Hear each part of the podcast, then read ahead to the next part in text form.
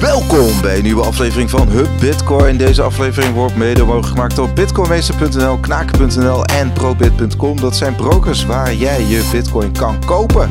Voorlopig gaan we niet verkopen. We hebben Klukluk in de studio. Uh, op afstand in ieder geval. Klukluk, uh, leuk dat je er bent. En uh, uiteraard Robin Heester, ook van bitcoinmagazine.nl.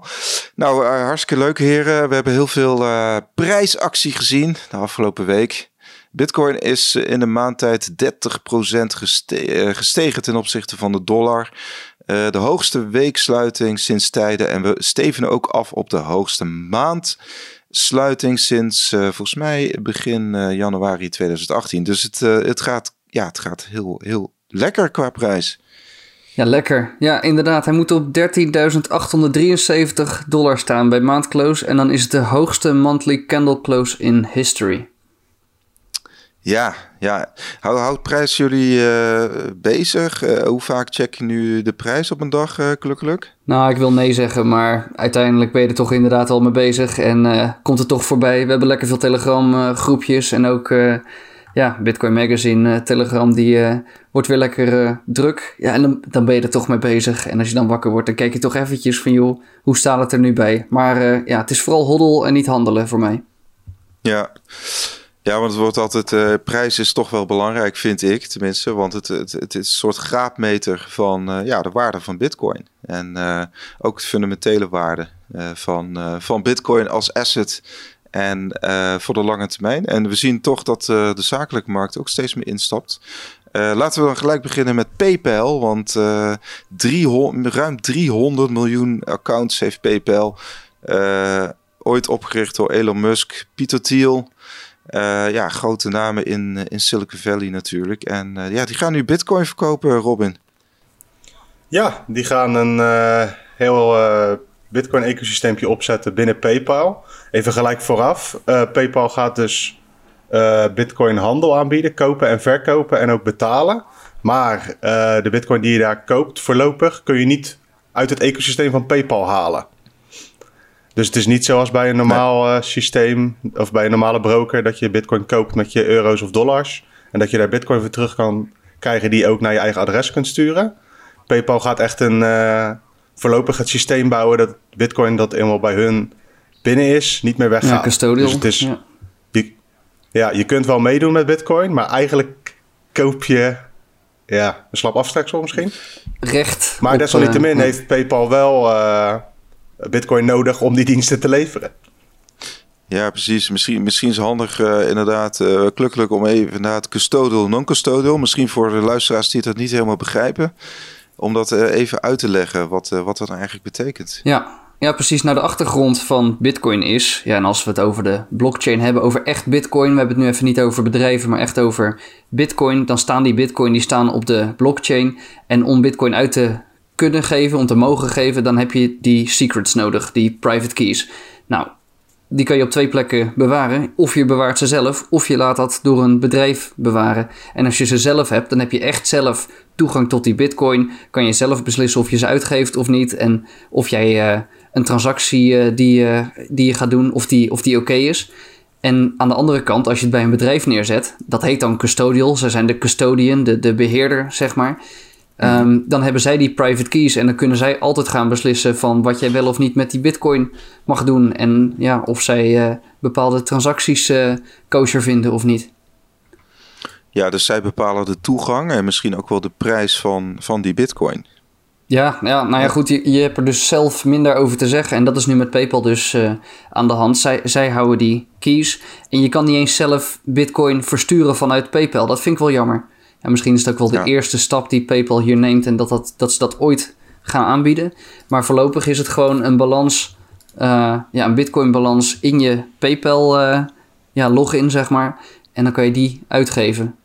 Maar uiteindelijk wordt het allemaal ja, dollars. Ik, ik, denk, ik denk dat dit een beetje de standaard wordt voor uh, grote fintech of betaalbedrijven, betaalverwerkers die met Bitcoin aan de slag gaan.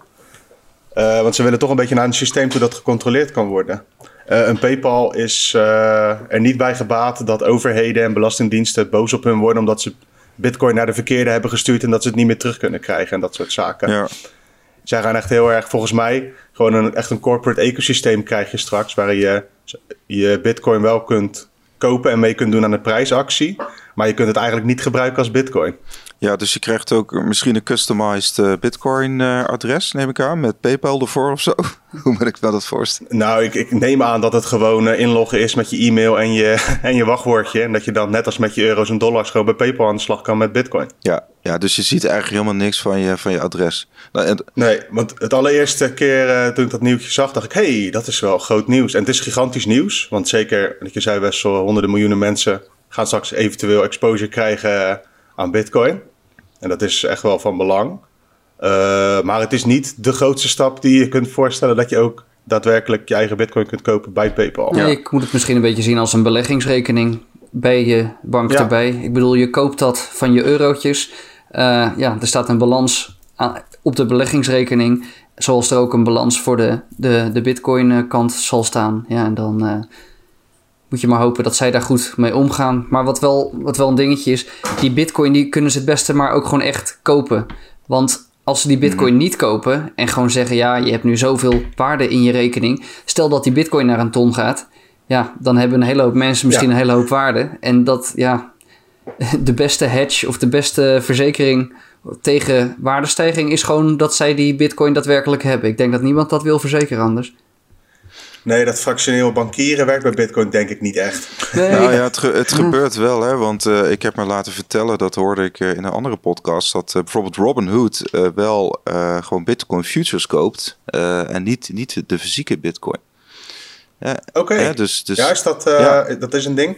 Nou ja, dus, dus eigenlijk je zegt van joh, wij verkopen Bitcoin, maar we houden Bitcoin futures achter de hand.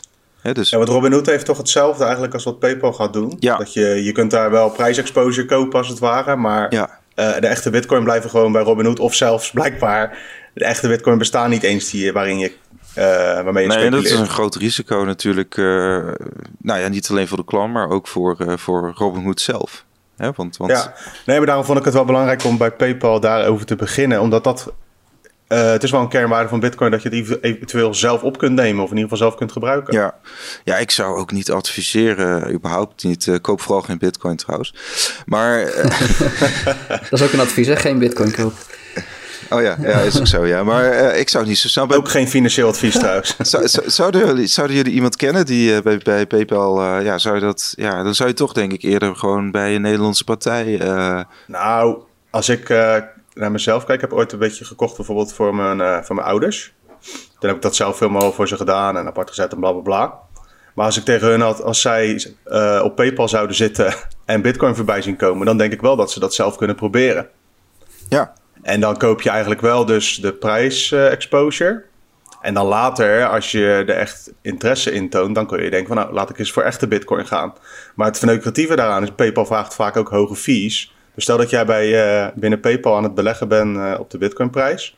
En je wil op een gegeven moment echte Bitcoin kopen. Mm -hmm. Nou, dan zet je het om in, uh, in euro's via PayPal. Dan stuur je dan je euro's naar je bankrekening.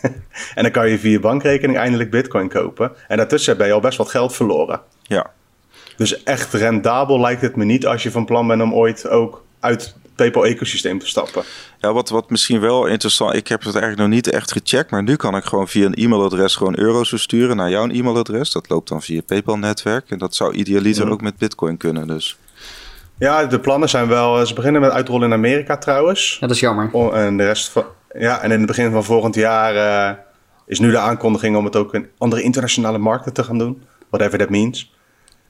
En uh, ja, de, de, bedoeling is wel dat je dus met je PayPal-balans ook bij winkels en dat soort zaken kunt gaan betalen. Net als met je euro's en dollars. Ja. Nou ja, als je dan uitbetaald wordt van je werkgever in, uh, in Bitcoin, of voor opdrachten als je een ZZP'er bent in Bitcoin.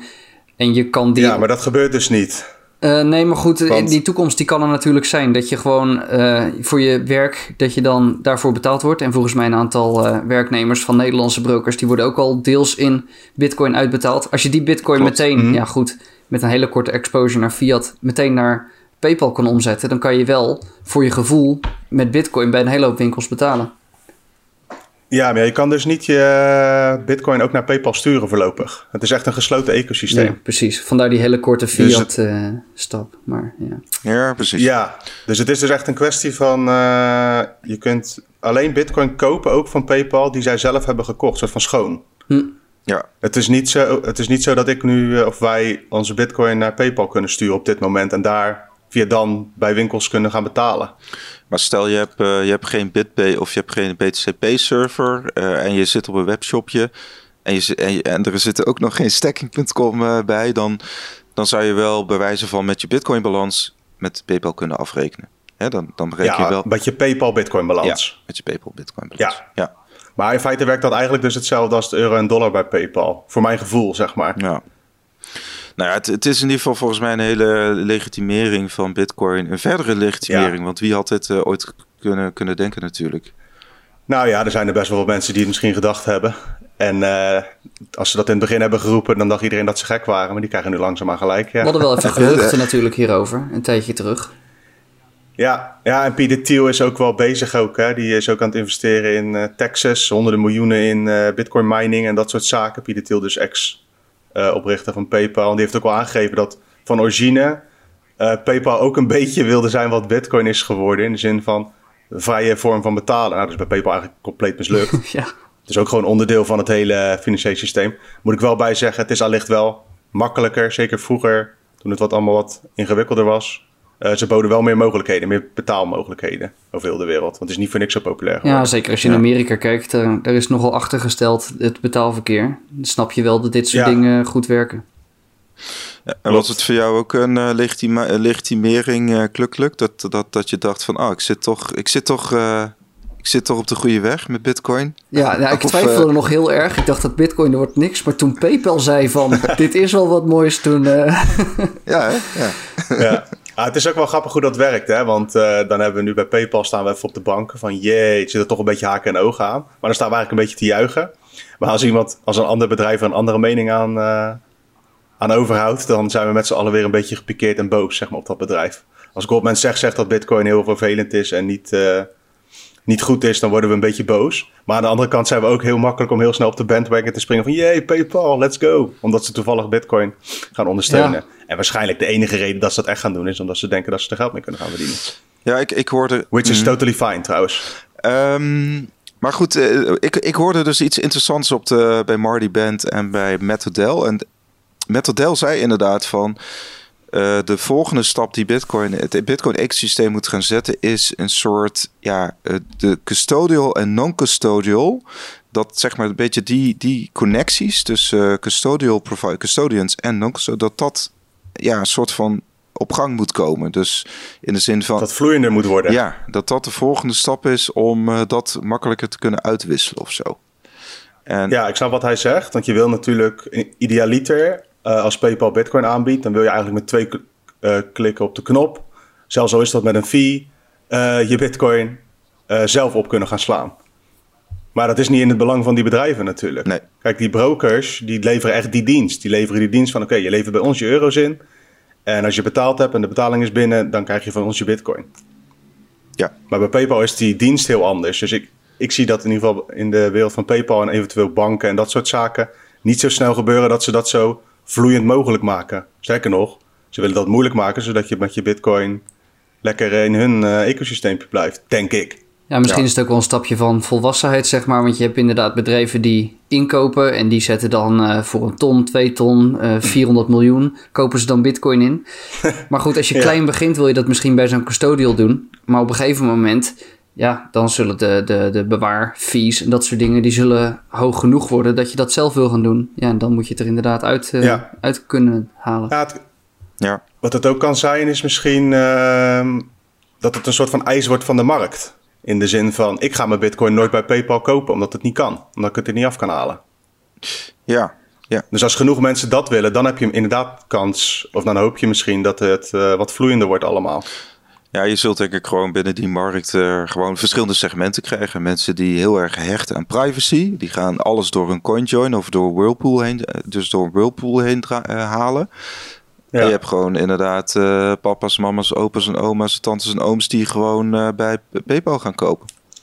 Ja, en dat is wel een beetje het gevaar tussen aanleidingstekens voor mij, is dat ik ook zoiets heb, volgens mij, is als, dat, als die bitcoin helemaal worden opgeslokt door de custodials die ook niet meer het opnemen van bitcoin uh, uh, gaan accepteren, uh, dan blijven die bitcoin daar forever in dat ecosysteempje. Ja. Nou, ik weet niet hoe erg dat is. Als, het, moeten we nog als zien. het maar echt hebben. En ik denk dat ze dat moeten gaan bewijzen. Dat ze het echt, ja, dat ze die bitcoin echt in hun uh, bezit hebben. Want dan is het gewoon meer schaarste. En dat vind ik op zich uh, prima. Ja, we hebben op uh, 3 januari is het toch altijd proof of keys? Ja, precies. Nou ja, kijk, dat kan PayPal kan dat dus eigenlijk niet doen. In de zin van, ja, die kunnen wel laten zien hoeveel bitcoin ze hebben en hoeveel bitcoin hun klanten heeft. Maar wij kunnen niet het controleren door allemaal zelf onze bitcoin op te nemen.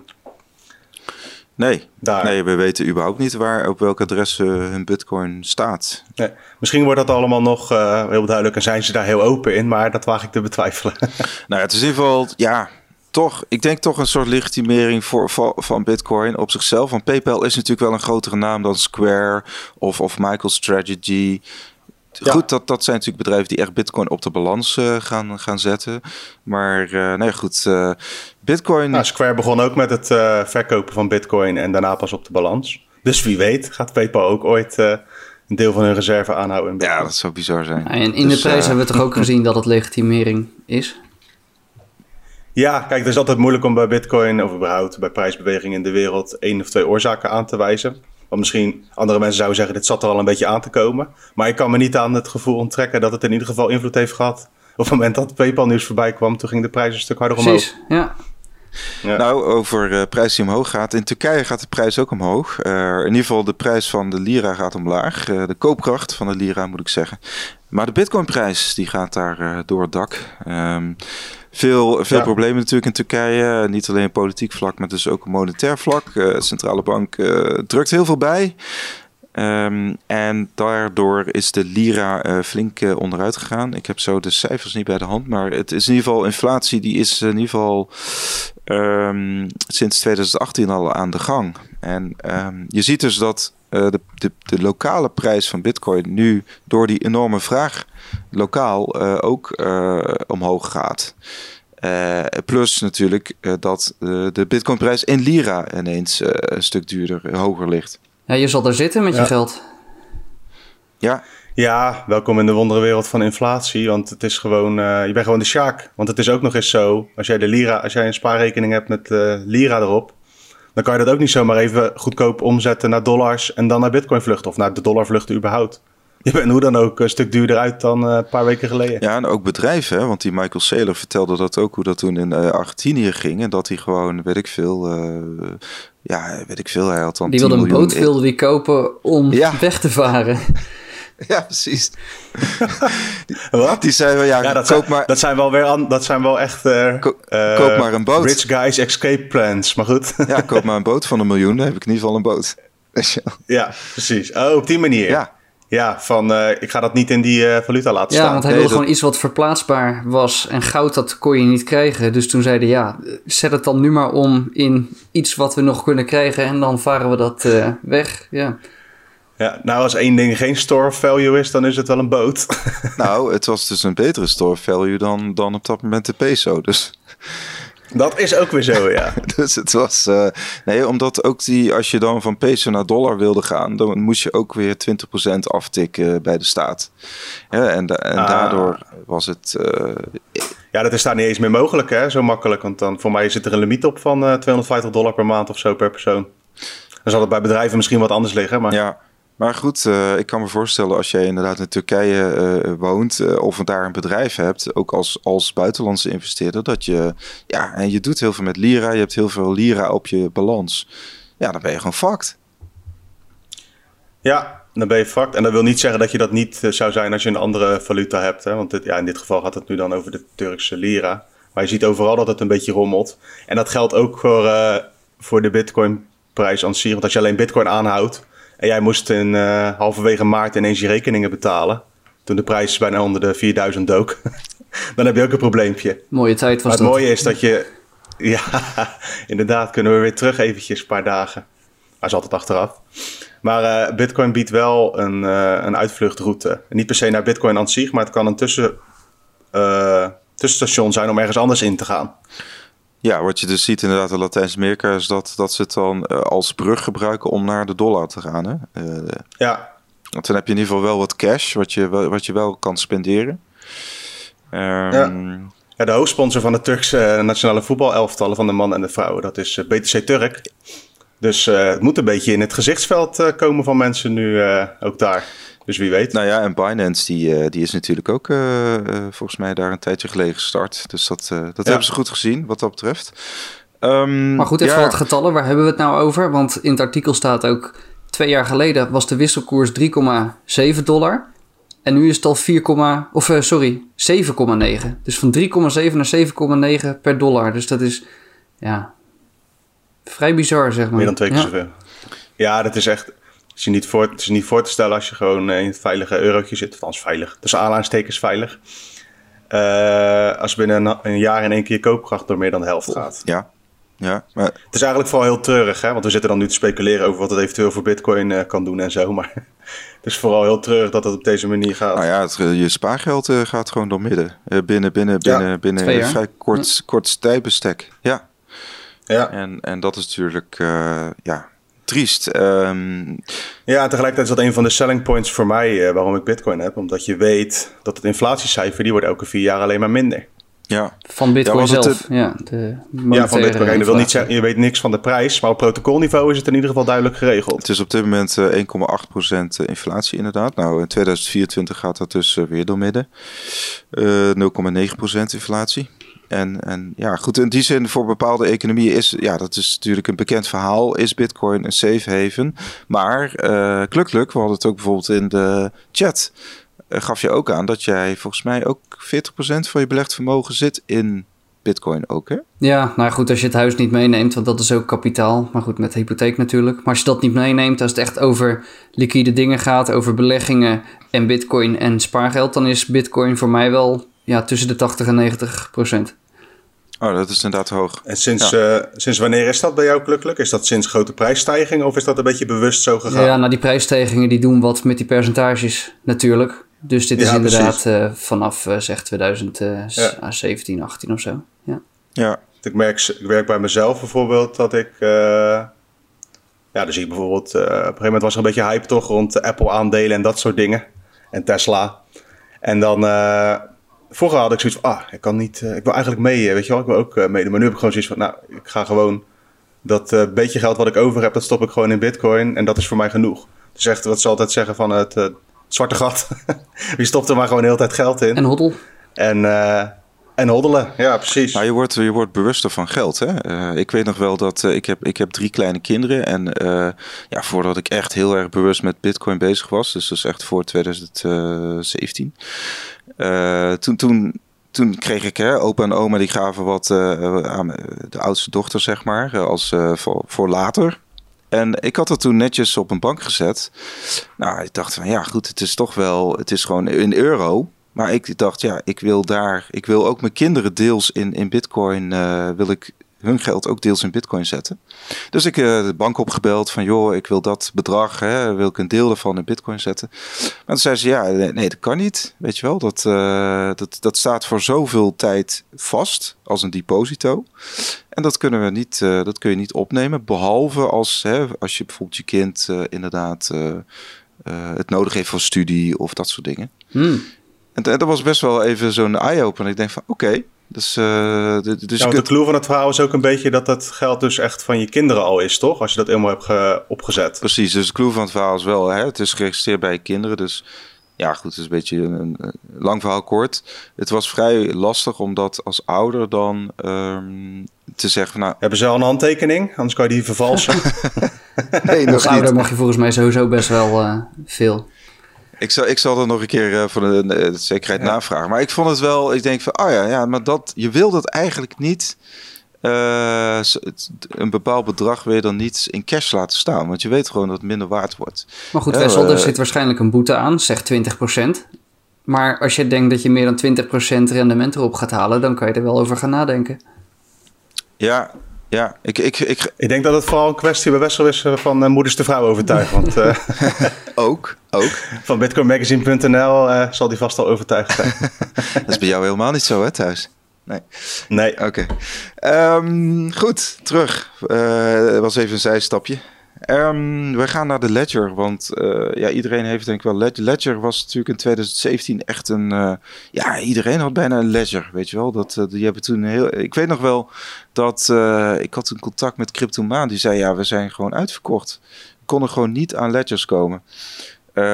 met andere woorden, de Ledger is nog wijd verspreid in Nederland ook als, als hardware wallet. En ze, ze, ze hebben...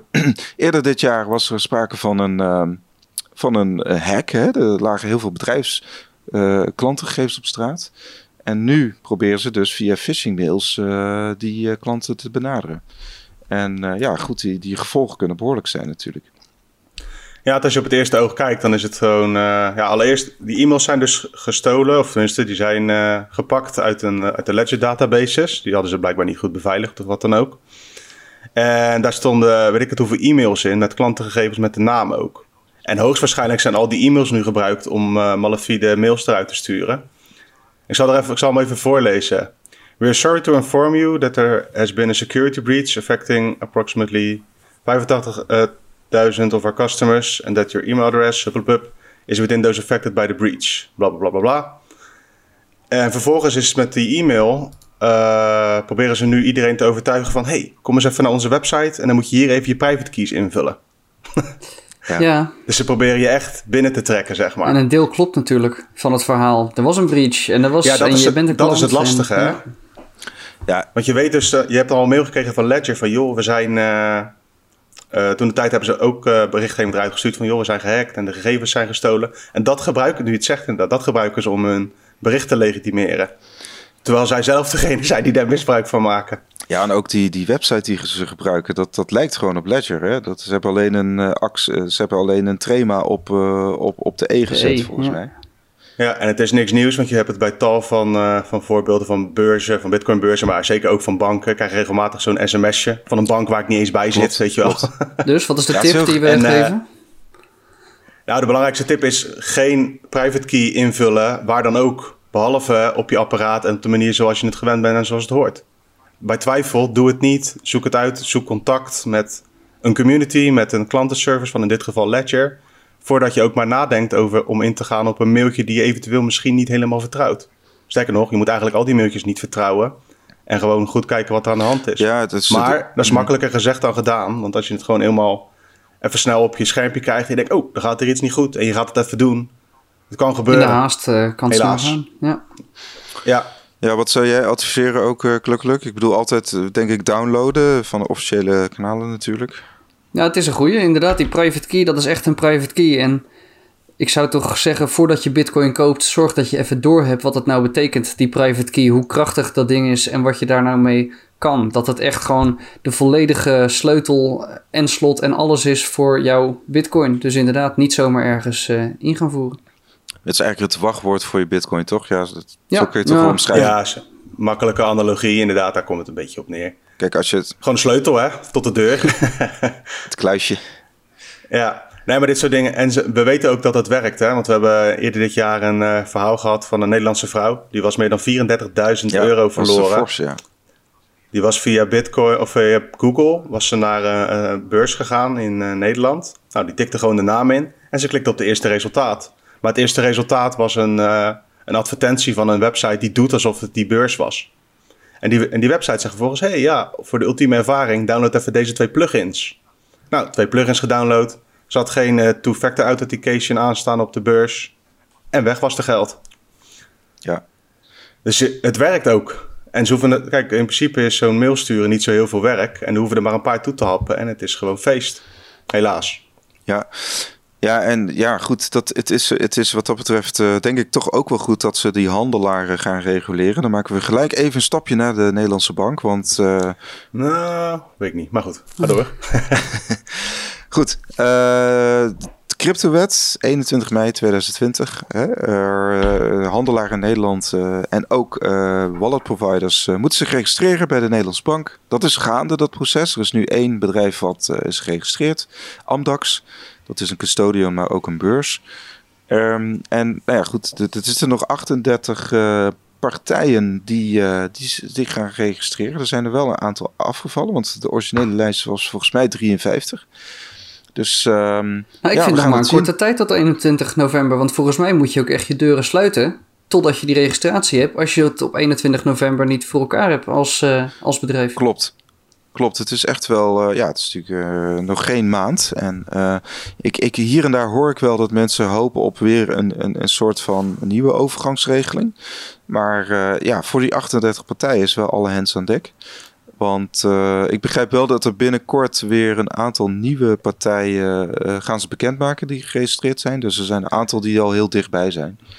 Ja, ik denk ook dat er zijn natuurlijk een x-aantal partijen in Nederland die ook regelmatig hebben gesproken met de DNB. En voordat dit überhaupt in het nieuws kwam, uh, om te kijken hoe, ze, hoe, hoe het eraan toe ging. Zeg maar. Er zijn wel mensen al ingekend. Dus ik kan me voorstellen dat er een x-aantal bedrijven zijn die ook uh, sowieso wel voor de deadline dit gaan regelen.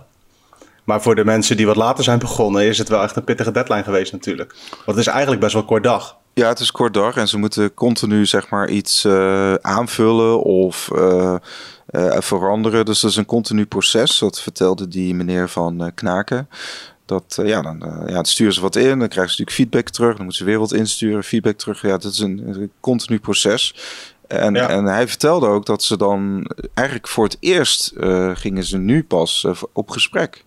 Ja, dus het is ook een vrij. Het is een vrij. Oh ja? Ja. Ik dacht dat dat het eerste initiële ding was. Dat je eerst op gesprek ging en een soort van gescreend werd. Maar dat is dus pas later in het proces. Nee, het is een heel digitaal proces wat dat betreft. Mm. Thanks corona. Ja, dat is op zich niet heel gek natuurlijk. Dat is alleen maar goed. Ja, dus uh, het is gewoon vinken, afvinkjes uh, en echt heel papierwerk wat je natuurlijk moet, uh, moet inleveren. Ja. Je ziet wel dat bepaalde partijen die ik kreeg ook wel vragen in de e-mail van, joh, weet je ook al partijen die echt niet, niet gaan registreren bijvoorbeeld. En mm um, nou, we weten bijvoorbeeld van de kleinere partijen, zoals, zoals bijvoorbeeld BitRush en volgens mij Happy Coins en zo. Dat waren allemaal kleine brokertjes die in 2017 opkwamen. Ja, die, die, ik, ik, ik verwacht niet dat die uh, gaan, uh, gaan registreren. Maar je ziet bijvoorbeeld wel een partij als Exodus. Dat is een wallet provider, een multi-wallet. Ja, die, die is bijvoorbeeld in Nederland weer mensen aan het werven. Dus dat, dat, dat, uh, dat ja, is dan wel... Een... Dat duidt erop dat die waarschijnlijk dan uh, wel door die registratie gaan komen. Ja, ik denk wel als je in, in... Of dat anticiperen ze zelf op in ieder geval. Maar goed, ik vind ja. het allemaal wel... Uh, ik vind het allemaal best wel jammer, want vroeger probeerde je nog eens een andere exchange... Maar nu, uh, ja, of ze zijn niet geregistreerd, dus dan mag het niet. Of ze zijn wel geregistreerd en ze moeten al je gegevens uh, gaan bijhouden. En ja, ik, ik heb mijn gegevens nu bij één uh, exchange liggen. En ik zie het niet zo zitten om dat nog naar drie andere te doen. Ook niet voor een paar euro verschil in de bitcoinprijs. Dus ja, ik weet niet of dat het doel nee. was van de Nederlandse bank, maar het, het ja. verstart alles uh, aardig. Ik, uh, ik heb wel zelf wel een theorietje. Dat is, maakt het in ieder geval niet moeilijker, laat ik het zo zeggen. Want als jij straks gewoon 10, 20 partijen hebt die, waar mensen grotendeels hun bitcoin vandaan halen in Nederland, dan is dat makkelijker te controleren dan als er constant nieuwe start-ups komen die dat ook allemaal gaan doen. Yep. Uh, ja, ik sta er ook niet om uh, te springen. Maar ik kan me voorstellen dat vanuit de toezichthouder dat wel een, uh, een mooi pluspuntje is. Want anders hadden ze het wel anders ingericht. Dan had je bij wijze van spreken een paar jaar de tijd kunnen nemen. Kan ook weer niet, maar het, is, het wordt er doorheen geramd. en dan weet ik, ik weet niet hoe het normaal is, zeg maar, bij, bij wijze van spreken. Als je een bank wil oprichten, zal het ook niet makkelijk zijn. maar als je nu kijkt wat de gevolgen zijn. De onderkant van de markt krijgt een klap of zelfs een doodsteek. En er kan eigenlijk ook geen onderkant meer bij komen. Precies door wat jij zegt, Kluk, van uh, wie stapt er nou nog over voor die paar euro? Precies, ja. En dat is toch wel als er, jammer. Als er, morgen een, uh, als er morgen iemand komt die precies hetzelfde dienst biedt, maar 5 euro goedkoper, ik zeg maar wat. Dan weet ik niet of ik daar uh, al mijn gegevens ook weer neer wil leggen, omdat ik dat bij iemand anders al heb gedaan. Nee. Ah, lekker gewerkt, maar misschien zijn we daar ook wel een beetje een uitzondering in hoor. Ik kan me ook voorstellen dat het merendeel gewoon zegt van u hebt een idee en uh, hier koop ik uh, bitcoin in. Zou kunnen. Nou, het is een beetje de vraag of je wat je bij energiebedrijven ziet, hè, dat mensen elk jaar gaan overstappen, want hebben ze een paar, oh, ja. paar hebben ze een paar tientjes voordeel. Um, ja. dat, of dat zich gaat ook manifesteren op de bitcoinmarkt. Dat, dat, dat is een beetje speculeren. Maar dat zou kunnen. Ne ons Nederlanders kennen de, uh, ja, het, alles. Nou ja, nu het zegt. Want sowieso mensen die dagelijks aan het handelen zijn en constant kleine fees betalen, dan ga je natuurlijk wel naar de goedkoopste. Ja, wat, je, wat je wel ziet is dat, en dat vind ik, ik weet niet of dat door regulering komt, maar dat is volgens mij gewoon marktwerking, is dat die fees wel steeds lager worden. Ja, dus er ontstaat wel concurrentie op de trading fees. ja, dat is voorlopig uh, wel, maar er kan ook een situatie ontstaan uh, door dit soort regels. Dat er vanaf de onderkant geen concurrentie meer is. En dat je echt, uh, kijk, je mag geen prijsafspraken maken, maar je kan wel naar elkaar kijken van hoe hoog zijn de prijzen daar. En dan allemaal een beetje op hetzelfde niveau zitten. Nou, wat, wat bijvoorbeeld in Amerika aan de hand is, dat is eigenlijk nog veel, veel erger wat dat betreft. Daar heb je mhm. die virtual payment providers. Uh, en die, die, die, die hebben eigenlijk samen een API ontwikkeld om te voldoen aan die travel rule. Ja, het is allemaal een vrij specifieke regelgeving op het gebied van anti-witwas uh, witwasregelgeving. En nou ja, dus daar heb je een aantal grote cryptobedrijven die gewoon samen uh, de handen ineens slaan om dus ja, eigenlijk ja, hun, hun, complete achterban door die, door die mal heen te, door die reguleringsmal heen te, te werken. In Ja, die travel rule, even voor de. Dat is een. Uh, ja, die, die verplicht eigenlijk financiële instituties om informatie te delen. Hè? Als zij transacties doen met een andere financiële institutie. Ja. Ja, ja. wat je ziet is dat dus met name, en dat, dat bijvoorbeeld dat Marty Bent uh, en Matt Odell zich terecht afvoeren van the land of the free. Ik bedoel, het schijnt dat de Amerikaanse autoriteiten uh, koploper zijn in, in in uh, aanvragen doen, hè, dus vanuit de FBI, uh, eh, op basis van die uh, travel rule. dus die zijn verreweg koploper in. ja, die willen alles weten, hè? Alles weten. Ja, en ook weer een hoop data die dan weer met elkaar gedeeld wordt. Ja. ja. En dan kan je het weer over een bepaald template heen leggen. En dan kun je er weer wat mee voor je verkiezingen. Weet ik dan voor onzin. Ja. ja, maar goed, wat dat betreft kun je in Nederland, of ja, Europa moet ik zeggen, en dan volgens mij in Duitsland, Zwitserland, is die privacy-regelgeving nog wel ietsje strenger dan, uh, dan bij ons. Um, uh, dan uh, mag, mogen we ons ook wel aan de ene kant een beetje gelukkig prijzen. Dat dat nog niet zo ver is. dat, Ja, misschien wel, ja. Maar het is wel. Um... Ik blijf er gewoon bij dat ik het gevoel heb dat eigenlijk iedereen gestraft wordt voor die paar mensen die je dan eventueel kunt pakken die via een Nederlandse broker witwassen. Ja, en wij nou, worden gewoon allemaal gestraft voor wat er via de banken gebeurt qua ja, dirty business. Ja. Nou, het, sterker nog, ik denk überhaupt dat die regelgeving geen effect heeft. Daar niet van. nee, wat, bedoel, zeg maar, welke, als jij uh, grote bedragen wil witwassen, kijk, als jij eh, weet ik veel, als je gewoon 20.000 euro aan bitcoin verkoopt, dan kan ik me voorstellen dat ze daar nog wel eens iemand van pakken die dat niet heeft opgegeven. Maar als jij grootschalig daarmee bezig bent, dan haal je het toch niet door een uh, reguliere beurs of broker heen in Nederland? Nee, niet. Nee. Dat, dus wat ze doen is eigenlijk een soort van de paar mensen die, of misschien zijn het er wel meer, het merendeel van Bitcoin, dus dat weet ik niet. Dat zijn geen, wederom, daar zijn geen cijfers over, want ze laten ook niet zien van, nou, hier en hierdoor uh, gaan we dit doen. Het is gewoon een soort van natte vingerwerk, lijkt het. Uh, maar ik kan me niet voorstellen dat daar miljoenen, miljoenen aan euro's worden witgewassen. Nee, het is, het is... Want je moet je al identificeren, want je moet al met je bankrekening betalen en dat soort zaken.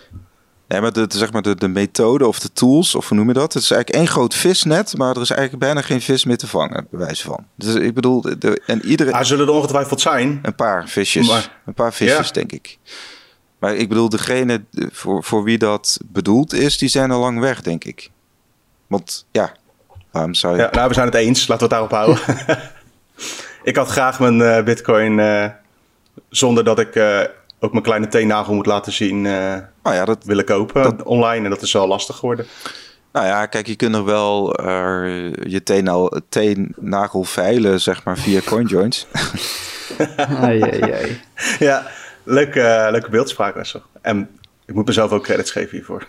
Maar ik bedoel, doen, doen, we zeg maar, doen jullie aan CoinJoins? Want ik heb het eigenlijk nog nooit uh, geprobeerd.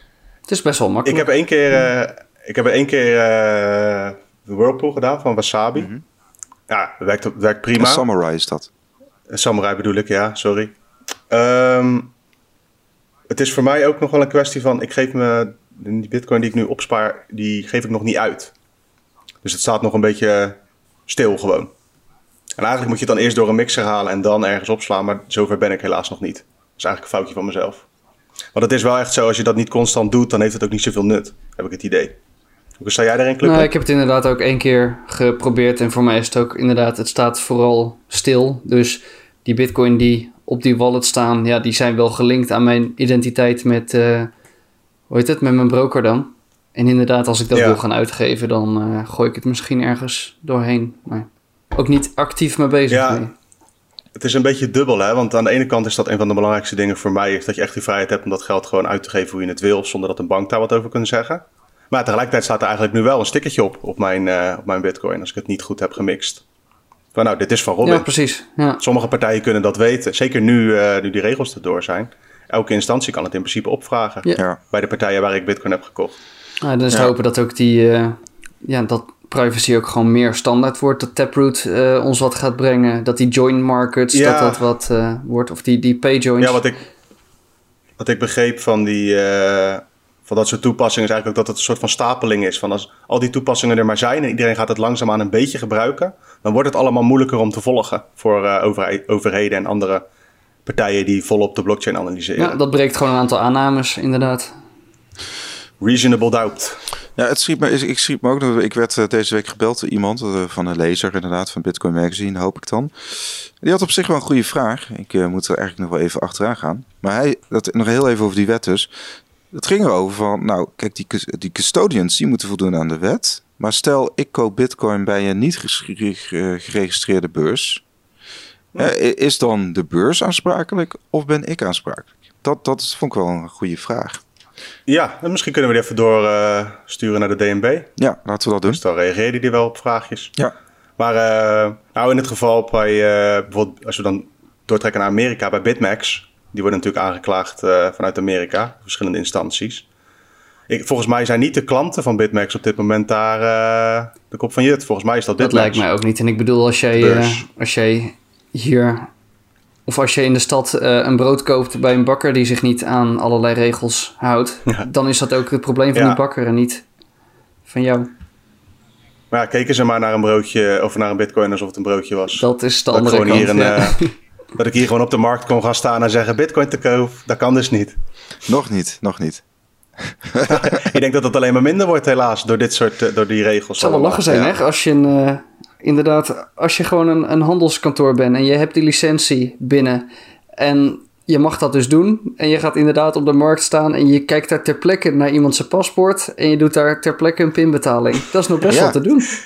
Ja, waarom niet? Ja, maar diegene moet dan dus zijn, eh, zijn paspoort of ID-kaart eh, even onder de scanner leggen of zo. Ja, nee, mij. of gewoon laten zien. Volgens mij moet je gewoon checken dat iemand is wie die zegt dat hij is. Eh, ja, maar als de Belastingdienst vervolgens bij jou aanklopt, als stel dat jij de verkoper bent en de Belastingdienst zegt: hé, hey, jij hebt toch aan Pietje eh, voor 1000 euro aan Bitcoin verkocht? Geef, ja, geef mij even de gegevens van Pietje die je hebt Oh, dan moet je verzameld. inderdaad even wel allemaal voldoen aan die regels. Ja, maar goed, dat kan ook natuurlijk. Dus- het is wel Ja, snel maar het toont al aan dat. Ja, precies. Het toont wel aan dat het moeilijker is om dat op te starten. Ja. Ik denk toen. Ik denk eh, voor kleine bedragen dat dat... Stel, weet je, ik ga naar mijn eh, zaterdagmarkt en ik koop een stuk kaas. En ik kan dat gewoon met, eh, met, met Ja. bitcoin doen. Dat is al- dan, dan, dan, dan gaat niemand zich daar eh, druk over maken. Nee, want andersom kan het bij eh, Bitcoin pinautomaten nog wel, hè? Heb je eentje in de straat, betaalde ik wel 10 euro fee voor. Wauw. Wist ik niet. Ik stopte er eh, 50 euro in gewoon om te kijken hoe het, eh, hoe het werkt. En daar hoefde ik me nog niet te Dat is identificeren. gewoon Dus, 20% commissie, joh. nou, het is altijd 10 euro. Oh, ja. Oké. Maar boven een bepaald bedrag moet je je weer identificeren. Want ik had gewoon zoiets van, nou, als ik daar gewoon lekker mijn losgeld in kan proppen, dan eh, vind ik dat wel leuk. Maar niet tegen zo'n Nee, fee. dat zijn een hoop muntjes. Dat schiet niet op. Je los, Ja. je los geld ook. Ja, ja, ja. Ik ben een, eh, een boomer in disguise. Nee, ik dacht aan een ontvoering, maar goed. Ehm, Nou, dan wil ik nog wel, zeg maar, eh, cash geld, gewoon contant geld. Door bitcoin ben ik dat wel meer gaan gebruiken. Ik ben me ervan bewust van dat als ik mijn, eh, als ik mijn bier afreken, bij wijze van spreken, bij de Albert Heijn, dat dat geregistreerd wordt, dat ik dat doe. ja, En dat doe ik dus liever gewoon met contant Ja, geld. zelfde. wel voor, Ja. wel voor acht uur s'avonds, hè. Ja, helaas. Laten we doorgaan naar Lightning, want eh, ja, we hebben Klukluk in de, in de zaal. En eh, dat is onze Lightning specialist van Nederland. Eh, en hij... Oh, oh, door Arnold niet te kort, hè? Oh ja, Onze redacteur. En ja, ehm, even kijken, want misschien la- laten we gewoon gelijk beginnen met... eh, ja, Lightning is natuurlijk de secundaire laag op eh, Bitcoin-netwerk. Het maakt eh, snelle betalingen mogelijk, eh, offline. Ehm, en... ehm, Off-chain. het? Ja. Offline? Off-chain, off-chain bedoel Ja. ik. Yes. En, eh, en anoniem. Hè? Dus eh, er is nu ongeveer 1000 eh, bitcoin volgens mij in totaal eh, uit mijn hoofd... eh, wat, wat op het Lightning-netwerk is opgeslagen. dacht 100. Maar jij bent- In de open kanalen, ja. Dus dat Maar jij bent, jij bent echt gissen. wel. Eh, Ja, inderdaad. Uh, dan zouden we eigenlijk de, de, de dashboard van uh, dingen, de Clark, Clark. die erbij moeten Maar het groeit, dat is, dat is zeker duidelijk. En ook, ook ja, vanuit meerdere podcasts. Er is gewoon een hele hoop activiteit en mensen die nodes uh, aan het kopen zijn en aansluiten. Dus ja, je ziet het wel toenemen. Het is wel, het is wel leuk. Ja, en op je ziet het overal voorbij komen, hè? Of dat nou is bij de Bitcoin Show, bij Satoshi Radio. Iedereen heeft het er tegenwoordig wel eens af en toe is over. Ja, het is wel de grote belofte natuurlijk. Ja, er zijn nog, er zijn nog wel problemen mee. Maar uh, ja, het is wel... Uh... Ja, even heel kort, uh, Marnix. Kan je uitleggen wat Lightning is? Ja. Behalve de secundaire Ja, precies. Want als wij normaal gesproken betalingen doen op Bitcoin... dan noemen we dat on-chain betalingen. En dan maak ik gewoon mijn, ja, mijn Bitcoin over naar jou. Of ja, ik zet dat over. Dat gaat met, met die eh, UTXO's, die transaction outputs. Maar goed, dat gebeurt gewoon on-chain. Maak ik dat naar jou over. En als wij een Lightning kanaal doen, dan maken wij een soort van ja, een bijzondere betaling. En dan, um, ja, de betalingen die we over dat kanaal heen doen, dat zijn zeg maar ook Bitcoin betalingen, maar die, die geven we niet door aan het netwerk. Dus we hebben maar één betaling nodig in een, in een multisig om, uh, om dat kanaal op te zetten. En dat is dan ja, het kanaal. Dat zijn de, de sats die we naar elkaar kunnen uitgeven. En alles daarna, die, ja, dat zijn ook uh, eigenlijk technisch gezien on-chain betalingen, maar die broadcasten we gewoon niet. Dus ja, dan hebben we gewoon uh, continu de laatste staat van, ja, van, van, van die verdeling, zeg maar. Ja, je gaat eigenlijk een afspraak aan met elkaar. Van joh, dat is allemaal geregeld in het protocol zelf. Eh, je doet één transactie om het kanaal te openen. Vervolgens kun je onderling en over het hele netwerk constant transacties doen. En pas als je dit, die afspraken, of hoe je het ook wil noemen, dat contract sluit, het kanaal sluit je, dan worden de transacties die je eventueel gedaan hebt, worden verwerkt. Precies, ja. Ja, en daar was ook, een, ook een probleem mee, want er was een vulnerability en die is uh, volgens mij een week of twee geleden is die uh, ontdekt en ook uitgekomen inmiddels. Um, en dat had met die uh, transacties te maken, als ik het goed heb begrepen. Want we maken inderdaad dus dat kanaal, die, e, ja, die, we doen die openingstransactie, dat is helemaal prima. Dat gebeurt gewoon on-chain. Alleen het bleek dus, en zo begreep ik die vulnerability, dat in die transacties daarna, dat je ja, de Lightning-node die accepteerde dan een transactie, maar die kon je dan helemaal niet broadcasten naar het netwerk. Of dat was, die, die transactie die werd dan helemaal niet uh, geaccepteerd door het netwerk. Waardoor iemand, jouw tegenpartij, die kon jou een, die kon gewoon zeggen, alsjeblieft, hier heb je 100.000 uh, Satoshi, hier is de nieuwe state, zeg maar. Maar als je dat wilde gaan claimen op de blockchain, dan kon dat niet. Oké. Ah. Dus daar zat, uh, daar zat een probleem. Dus inderdaad, als je een Lightning node hebt, patch dat ding. Zodat die uh, alleen maar uh, ja, goedgekeurde of, of valide transacties accepteert. Ja, mensen kunnen best gewoon upgraden naar 0.11 van LND. LND is eigenlijk de belangrijkste implementatie hè, van Lightning Labs. is de ontwikkelaar daarvan.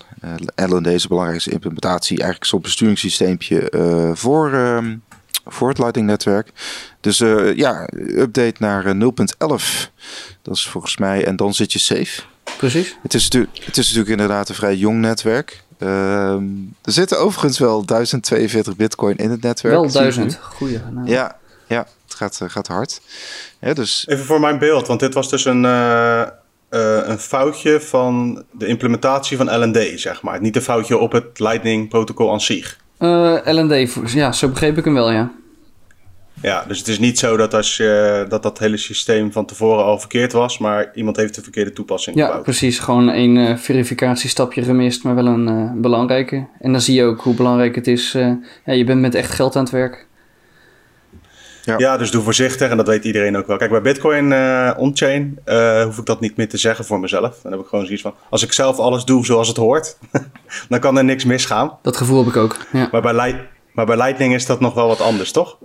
Ja, dat precies. En inderdaad, als je dus gaat bouwen en als je, als je lastige scripts gaat uh, toelaten, dan ga je al dit soort gekke edge cases uh, zien. En dat merk je natuurlijk ook met het hele DeFi uh, verhaal tegenwoordig. Ja, er staat wel ja, geld op het ja, dat wilde ik nog zeggen. Van,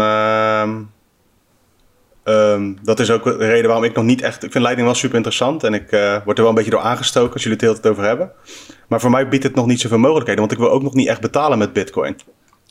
En sommige mensen vinden het ook gewoon leuk om met bitcoin te betalen, zeg maar. je kunt, maar ik zit niet echt daar in die fase te nou, Je kunt bijvoorbeeld wel gokken op, uh, op de uitslag van Feyenoord. ja, dat klopt. Ja, dat doe jij toch met Arnold? Ja, ja. Ja, wat leg eens uit. Nou ja, er, er is dus een website, volgens mij heet het Microfun of zoiets. En dan kun je dus uh, ja, soort van. Uh, ik kan bijvoorbeeld zeggen, nou, Ajax gaat vanavond uh, met 0-1 winnen. en daar zet ik 10.000 sats op. En Arnold kan mij dan uitdagen. Want hij is een Feyenoorder. en ik kan zeggen, nee, ik ben het er niet mee eens. En dan, ja, dan gaat het dus over die 10.000 sats, of het, of het uitkomt of niet. En dat, dat gaat allemaal via het Lightning-netwerk. Wie bepaalt dan wie er gewonnen heeft? Uh, dat is, uh, dat, nou ja, dat is dat systeempje wat die, die, die microfun heet het volgens mij. Ja, precies. Er zit niet een ingenieus uh, systeem achter of zo. Dus waarschijnlijk gewoon iemand die bijhoudt wie er gewonnen heeft. Ja, ja, het, is gewoon, het, het is inderdaad ja. gewoon een hobbyist die dat erbij doet. En zo, weet je, 10.000 sats is volgens mij anderhalve dollar of zo.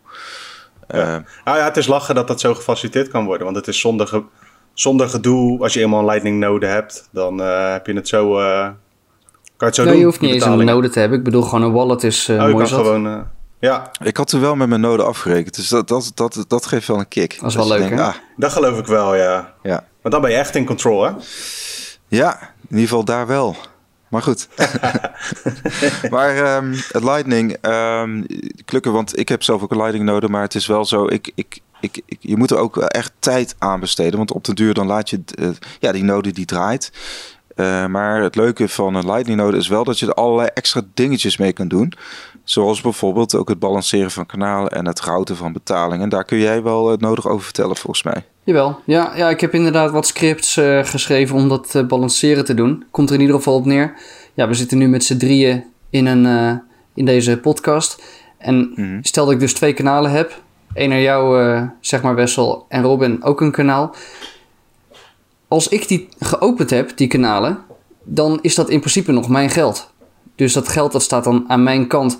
En wat we willen is dat uh, dat goed verdeeld wordt. Dus stel dat ik uh, een kanaal van 100.000 Satoshi uh, naar, alle, naar jullie allebei heb geopend. Eigenlijk willen we dan mhm. dat die balansen zo verschuiven dat er 50.000 aan allebei de kanten staat. Want dan kan het twee kanten op gebruikt worden, dat kanaal. Dus dat balanceren dat is best wel nodig en belangrijk om zowel te kunnen uh, betalen als ontvangen in dat kanaal. Mm -hmm. uh, ja, en dat heb ik nu geautomatiseerd. Dus uh, af en toe krijg ik. Dus hoe werkt dat? als, ik, als jij, je had over 50.000, had je het dan over dat jij dat. dat Wessel 50.000 heeft en jij 50.000? Daar willen we naartoe. Of ik en Wessel, zou te zien. Ja, precies. En dan, hoe gaat dat in zijn werk? Leen je er dan een soort van uit in de vorm van een contractje um, of zo? Ehm, dat het bij hem zit? Of is het gewoon een kwestie nou, van. Je kan circulair, ja, je kan circulair kan je routeren. Dus even een heel nieuw voorbeeld. Ik, ik heb mijn node en ik heb een link met node A. En daar staat alles aan mijn mhm. kant. En ik heb een andere link met node B en daar staat alles aan zijn kant. Dan zou ik uh, door, door kanaal A naar buiten kunnen duwen, want daar stond het aan mijn kant. En daar gaat het dan uh, weg, zeg maar. Bijvoorbeeld die 50.000 Satoshi, die stuur ik dan weg naar node A. A die doet het dan naar B. Mhm. En dan via het kanaal met B naar mij komt het weer naar binnen. Ja, en zo krijg je een soort van, van cirkeltje, zeg maar. En zo veranderen die uh, balansen. Nou, dat heb ik dan geautomatiseerd. Ja, ja. Het is een cirkeltje van liquiditeit. Precies. Als ik het... Ja. En hoe, hoe okay, heet want dat die liquiditeit is nodig om transacties überhaupt te kunnen doen, hè? Uh, je hebt inbound, uh, inbound liquiditeit nodig om transacties te kunnen doen. Zo zit hem. Ja.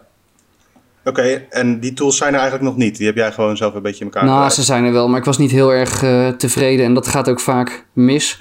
Want je moet, ja, in mijn voorbeeldje met kanaal A en kanaal B, dan moeten A en B, want ik ga uit over A en ik wil het weer binnen over B. Er moet dan ook een linkje hmm. zitten tussen A en B. Want ja, ja op een of andere manier moet dat, ja, moet dat inderdaad zo uh, gaan. Kan dat ook nog met een omweg? Dat is het dus, dus inderdaad, dat, ja. Dat, zijn, ja, dus... dat zij in theorie nog niet, uh, dat zij nog niet gelinkt zijn. Maar dat A wel bij B... Wat dat is mooi van Lightning. Je hoeft niet met elkaar verbonden te zijn om ook peer-to-peer te betalen. Dat kan inderdaad. Um, maar als ik die betaling wil gaan doen... dan moet ik wel gaan zeggen van... ik wil dat die betaling over deze hopjes heen gaat. En dan, ja, heb, je een aantal, uh, ja, dan heb je een aantal scriptje... of een aantal... Uh, ja, een aantal tools die dat herbalanceren doen. En die proberen dan maar één route maar misschien uh, heeft, zijn A en B helemaal niet zo goed geconnect. Dus wat ik wilde, is dat er alle routes werden geprobeerd.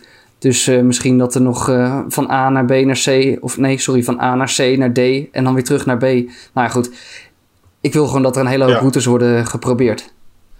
En daar kun, je, Dus, daar kun eh, jij als node-eigenaar, hè, of al- als ook, ja, kun, je, kun jij daar de routing fees van, van, van mee genereren, toch? Ja, ja inderdaad. Dat is weer de eh, andere kant als van ik, het verhaal. Als ik inderdaad, eh, dat is de andere kant inderdaad. Als ik een onderdeel ben van dat hele verhaal, van iemand anders die aan het routeren is, ja, dan komt die, eh, komt die betaling over mijn eh, node heen en dan verdien ik daar eh, ook weer een eh, beetje aan. Dus even kijken, de afgelopen maand had ik 2652 transacties over mijn eh, Lightning node heen. Wauw, Ja, dat is, eh, dat is wel leuk. dat is echt, Hoe- hoeveel zijn je? 2652. Oké. Ja, dat is ja, wel, dat is eh, fors hoor. Want, en en hoe, hoe, eh, hoe hou je dat bij via, eh, hoe heet het, eh, RTL, RTL. of zo? Ja, voor mij is het Ja, ja. RTL. En die, die babbelt dan met mijn Lightning eh, node. Niet RTL eh 7, Robin, Right the. Lightning, ja. Eh, en ik heb Ja, het daar klinkt ook niet- 5855 Satoshi mee verdiend. Dus eh, in een maand 66 cent. ja, Ja, het is voorlopig nog een Dat hobby. is het, ja. klinkt voor mij een beetje als eh, eigen huis en tuin. je gaat zeg maar, je bouwt een paadje hier en je moet dit nog zelf doen en je moet hier nog wat plantjes ophangen. Je moet allemaal nog wel veel zelf doen om het te laten werken zoals het je is wil. hobby. hè. Ja. Ja, en het kost Ja. ook veel Ja, meer geld was- dan wat het oplevert nu voor mij. Ja, totdat die eh Satoshis natuurlijk veel meer waard worden. Want het, eh, kijk, we hebben nu eh, vijf, hoe heet het, eh 7500 Satoshis per dollar. Nou ja, kijk, die Satoshis kunnen ook nog wel eh, keer eh, 10 gaan. Ja, dan heb je 6 euro verdiend. In een week. Ja, nou ja, goed. Het, eh, het, Nee, maar klopt. Het is een begin. Ik, ik denk ook niet dat je het daarvoor moet. Daar is dat helemaal niet voor. nee. Daar is ook het Bitcoin-netwerk niet voor, natuurlijk. Maar ik Nee. ben klaar voor de toekomst. Mijn kanalen staan open. Die blijven gewoon staan. Ik heb die kanalen kunnen openen voor een lage fee. Want inmiddels ga- worden de fees worden ook weer hoger. En je, hebt toch die, je moet toch één keer een fee betalen om dat kanaal te openen. Dus dat heb ik in een goedkope tijd kunnen doen. En misschien eh, ziet iedereen dat nu wel als goedkope tijd. En is dat wel de reden om, eh, om nu een node te beginnen. Zodat je nu met de huidige on-chain fees eh, kanalen kan openen. En dan, eh, ja, zodra de exchanges het een beetje gaan ondersteunen, dan eh, ben ik klaar voor de toekomst. Ja, en je bent natuurlijk ook een beetje de speel aan het worden in het Nederlandse Bitcoin Lightning netwerk. Want je houdt ook bij wie met wie geconnect is binnen Nederland. Degene die dat willen delen. En dan zie je toch ook dat jij dan nu het middelpunt bent. Omdat je al die mensen moet, omdat jij al die connecties hebt. Ja, ja goed. als je inderdaad al een paar. niet dat dat veel, voor, zeg maar, als je, is niet heel eh, boeiend. Maar het is wel... het, het is niet heel eh, boeiend. Wat zeggen? Zei je nou? Nee, nee, in de zin van het maakt niet uit dat jij het centra- centrale punt bent. Zo bedoel ik. nee, ik bedoel, zo is het protocol wel gemaakt. Ja, dus je kan inderdaad verbinden wat je wil. Bitkassa is ook een ik grote. nou wel. Kun je vervelend doen als jij nu de grootste nood bent in Nederland en iedereen is verbonden met jou, bij wijze van spreken? Maar als iedereen. eh, Kun je dan als middelste nood vervelend ja, als doen? iedereen bijvoorbeeld op mij vertrouwt dat ze via mij kunnen routeren en ze nemen maar één route het netwerk op en dat is mijn node. En stel dat ik dat dan sluit, nou misschien eh, als je een bedrijfje hebt draaien, dan heb, kan je dus even geen betaling ontvangen. Dus je wil niet alleen mij vertrouwen, je wil ja, kanalen openen met meerdere nodes. Dus dat kan je zelf wel, wel fixen. En er zijn ook een aantal aanvallen dat je eh, eh, kanalen tijdelijk stopzet of, of eh, dicht, Ja. dichtgooit.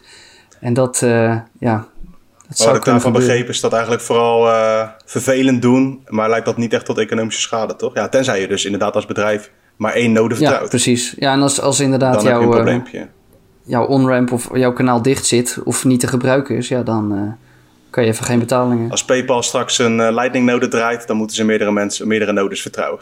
Dat eh, lijkt me wel praktisch, ja. Als PayPal alleen maar Ja, via mijn node gaat, dan eh, is het snel, eh, houdt het snel op. Ah, dan kan je misschien nog wel wat leuke fees verdienen. Jij, eh, jij werkt eh, via MyNode. Je hebt natuurlijk ook nog Raspberry Blitz. Die hebben ook onlangs een eh, software update gedaan. Ehm, BTCP-server, daar gebruik je ook, eh, daar gebruik je ook eh, de software van, toch? Ja. Ehm, Ja, ik eh, verkoop stickers bij bitcoinstickers.nl en daar heb ik een BTCP-servertje achter zitten. En eh, ja, dat eh, gaat hartstikke leuk. Dus die gaat ook naar Lightning toe. En ja, dat doe je gewoon via MyNode, toch? Ik heb zelf heb ik het gewoon zelf bij elkaar geknutseld. Dus ik heb gewoon een LND software. Die draai ik en die verbind ik naar mijn Bitcoin node. En ik heb toen dacht ik, ja, ik wil het kunnen zien. Ik wil een dashboard. Dus toen heb ik RTL geïnstalleerd. En gewoon lekker zelf eh, erop gezet. Ah, oké, oké, oké, oké. En je hebt ook nog, eh, lup, moet ik even, je had nog iets anders met, met Lightning gedaan, dan ben ik het even kwijt. Maar, uh, ja, er is altijd mee nou, bezig te zijn. Ik heb dat bordje heb ik ook, om te kijken of je node nog online is. Ja, inderdaad inderdaad. Misschien wel leuk om een paar links te zetten onder in de show notes, inderdaad, naar de tooltjes die je maakt. Want ja, stel je hebt een node, dan, dan misschien is het wel leuk. Waar, zou je dan nog mee kunnen starten om, om het nog, nog leuker te maken? Ehm, ja, gewoon gaan gebruiken en zorgen dat je je channel management een beetje leuk doet. Want ik vind het vooral heel leuk om te zien dat er gewoon een aantal transacties overheen gaan. Ja, en dat dat dan uh, een Satoshi per transactie is. En eigenlijk dat dat geen geld is. Ja, dat is. Uh, daar moet je dan niet te veel over nadenken. Maar ik vind het gewoon leuk als er gewoon activiteit uh, overheen gaat. Ah, ik vind dat gedeelte wel, uh, wel werelds in de zin van je bent gewoon echt allemaal een betaalverwerkertje. Allemaal op relatief kleine schaal. En dat is wel echt. Uh, ja, we moeten nog kijken of Lightning uiteindelijk aan gaat slaan zoals het uh, wil, zeg maar. Zoals we willen misschien. Maar het is, het is een mooi experiment op het, op het experiment dat Bitcoin heet. nee, precies. Dus dat. Nee, hartstikke leuk. Um, even kijken. Volgens mij zitten we er al een beetje doorheen qua nieuws, toch, jongens? Uh, hebben we nog... Ja, ik wilde eigenlijk zeggen van... joh, als je geïnteresseerd bent in Lightning... Uh, via Telegram kun je bij Lightning NL terecht. Dus Telegram groep met bijna 200 leden nu... waarin gepraat wordt over het Lightning-netwerk. Ja, we hadden eerst kun twee... Je, je vragen stellen, je kunt aan de slag. Handleidingen kun je ongetwijfeld vinden. Op bitcoinmagazine.nl hebben we ook een keer een hele maand gedaan over Lightning hebben we ook tal van artikelen. Dus als je bij ons in de chat zit, helpen we je ook graag op weg. Yes. En inderdaad, uh, wil je mij uitdagen voor uh, Atalanta Ajax? Dan ga naar microbet.fun. En dan uh, ga ik daar even een leuke uitslag neerzetten. En dan kun je mij uitdagen. Dan ga je satjes, Wessel. Want jij gaat op Ajax inzetten natuurlijk. 10.000 sats. -oh. Ja, 1-2 denk ik wel. Ja, ja. ja, ja. Dus uh, ik vond het leuk, jongens. Uh, Um, jij was ook bezig met een pokertoernooi via Lightning, of niet? Of ja, je dat, ja niet, dat staat uh, in, de, in de groepen. Oké, okay, staat in de groepen. Lightning NL. hartelijk dank iedereen. ja, Bitcoin, never a dull moment. het gaat gewoon door. En tot de volgende keer. Ga vooral naar bitcoinmagazine.nl voor het laatste nieuws. Tot de volgende keer. Yes. Later. Hoi hoi.